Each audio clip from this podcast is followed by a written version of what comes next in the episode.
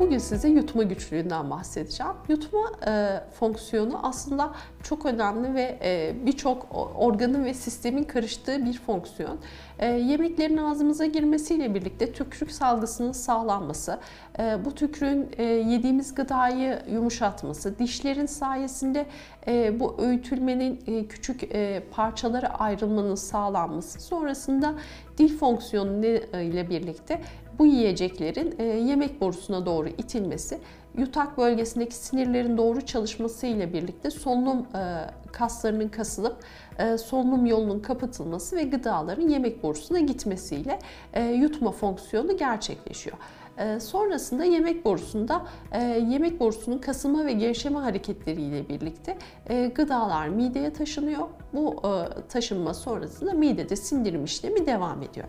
Şimdi yutma güçlüğüyle seyreden hastalıkların e, başında e, hastalarımızın tükrük beziyle e, fonksiyon bozukluğuyla giden romatolojik hastalık olan Sjögren sendromu gibi bir hastalığın olmadığını tespit etmemiz gerekiyor.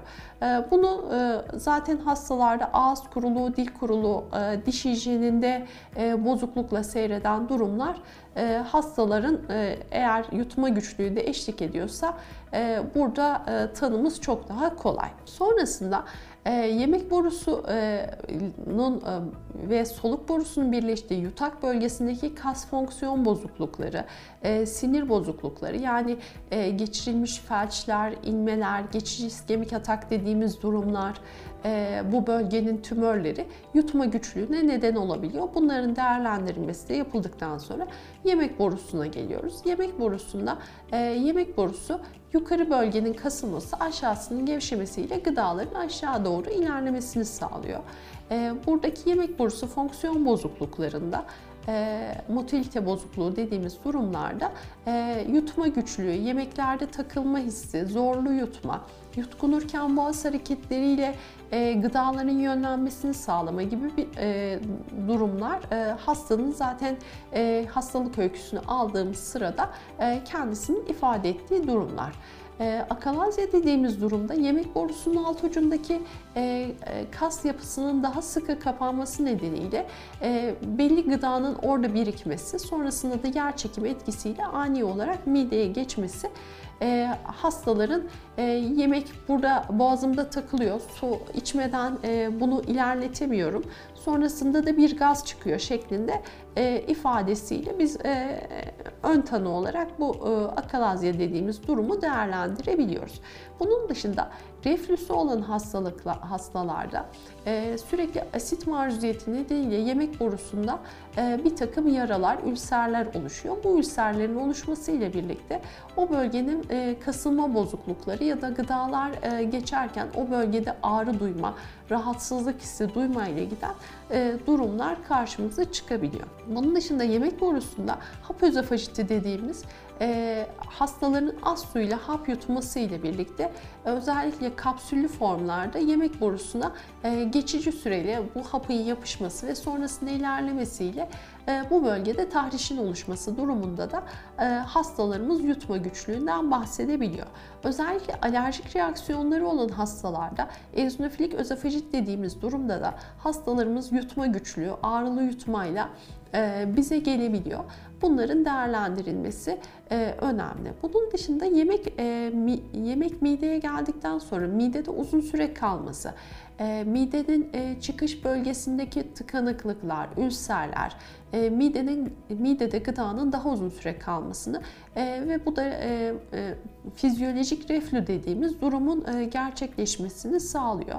Hastalar e, midede bu gıdaların uzun süre kalmasından dolayı rahatsız olup e, kusuyorlar. Mide içeriği ve asitin e, yemek borusuna yaptığı harabiyetten dolayı hastalarımız yutma güçlüğü e, yaşayabiliyor. Ee, burada yapılması gereken işlemler mutlaka öncelikle hastaların e, hastalık öyküsü eşlik eden belirtilerinin, eşlik eden hastalıklarının değerlendirilmesi.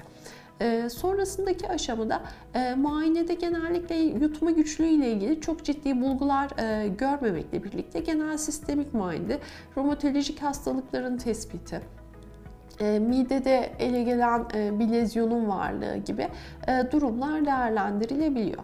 Sonrasında hastalarımıza endoskopik incelemelerle e, ağızdan girerek yemek borusu, yutak, mide, 12 parmak bağırsağının değerlendirmesi bu bölgede herhangi bir patolojinin olup olmadığı değerlendiriliyor. E, bunlarla herhangi bir e, bu e, sonuca varamadıysak baryomnografilerle yemek borusunun yutma işlemi sırasındaki hareketleri değerlendirilip bunlara göre bir ön tanı verilebiliyor. Ya da manometre dediğimiz işlemlerle yemek borusu fonksiyonları değerlendiriliyor ve bu bölgedeki kasılma bozuklukları, kasılmalardaki terslikler değerlendirilerek ya da eşlik eden romatolojik hastalıkların bulguları tespit edilerek e, hastalarımıza bir tanı konmamız sağlanıyor. E, yutma güçlüğünün e, en çok korktuğumuz nedenlerinden birisi yemek borusu kanseri. E, kanserlerde genellikle endoskopik görüntülerde zaten e, bu hemen tespit edilebiliyor. E, bu tespitle birlikte de hastalar e, biyopsi alınıp cerrahiye yönlendirilebiliyor. Bağırsakta olduğu gibi e, yemek borusunda da divertiküler oluşumlar olabiliyor. Özellikle geçirilmiş akciğer enfeksiyonları, bu yutmayla e, seyreden, sistemik hastalıklarla seyreden durumlarda basınç artışı ile birlikte bir takım divertiküller oluşabiliyor. Bunlar doğuştan divertiküller de olabiliyor. Ee, bu divertikülleri de endoskopik işlemler sırasında görebiliyoruz. Yiyecekler gidip orada tıkandığın, e, orada takıldığında özellikle hastalar e, o bölgede ağrı hissini çok e, rahat bir şekilde ifade edebiliyor. Bunun dışında alınmış radyoterapi gibi yöntemlerle yani geçirilmiş e, e, kanser e, tedavilerinden sonra da bu bölgelerde yutma güçlüğüyle ilgili problemler e, sık gördüğümüz problemler arasında. E, bunların tedavisinde altta yatan nedene yönelik tedaviler uygulanmakta ve e, bu e, şekilde e, hastalarımızın sağlıklı bir şekilde yaşaması, yutma fonksiyonlarının yerine getirilmesi sağlanmakta.